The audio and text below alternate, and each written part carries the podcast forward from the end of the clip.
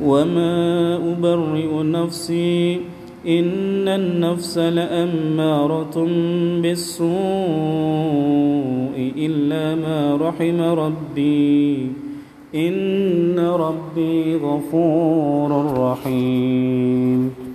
وقال الملك ائتوني به أستخلصه لنفسي فلما كلمه قال إنك اليوم لدينا مكين أمين.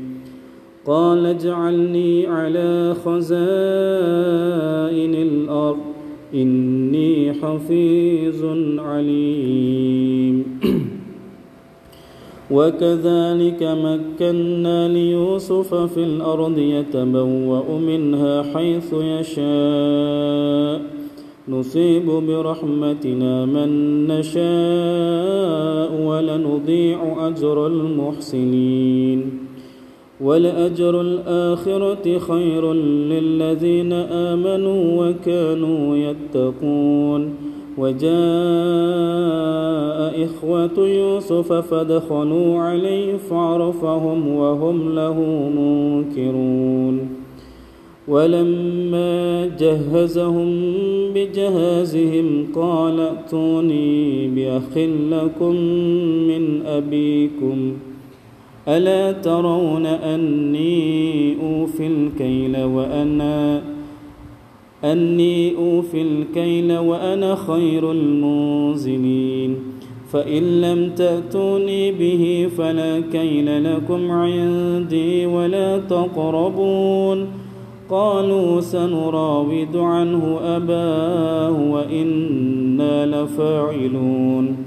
وقال لفتيانه اجعلوا بضاعتهم في رحلهم لعلهم يعرفونها لعلهم يعرفونها إذا انقلبوا إلى أهلهم لعلهم يرجعون. فلما رجعوا إلى أبيهم قالوا يا أبانا منع منا الكيل فارسل معنا فارسل معنا أخانا نكتل وإنا له لحافظون. قال هل آمنكم عليه إلا كما أمنتكم على أخيه من قبل فالله خير حافظا وهو أرحم الراحمين ولما ولما فتحوا متاعهم وجدوا بضاعتهم ردت إليهم قالوا يا بانا ما نبغي هذه بضاعتنا ردت إلينا ونمير أهلنا ونحفظ أخنا ونحفظ أخانا ونزداد كيل بعير. ذلك كيل يسير. قال لن أرسله معكم حتى تؤتون موثقا من الله لتأتنني به إلا أن يحاط بكم إلا أن يحاط بكم.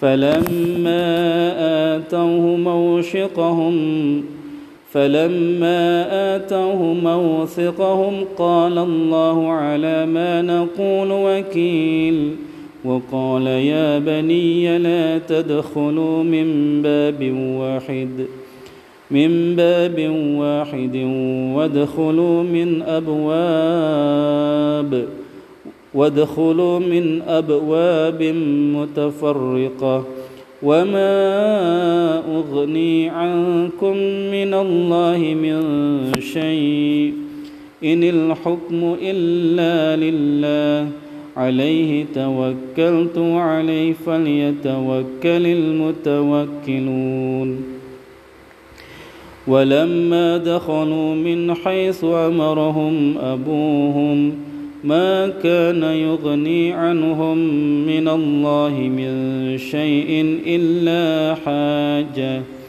إلا حاجة في نفس يعقوب فقط إلا حاجة في نفس يعقوب قضاها وإنه لذو علم لما علمناه ولكن أكثر الناس لا يعلمون. ولما دخلوا على يوسف آوى إليه أخاه قال إني أنا أخوك.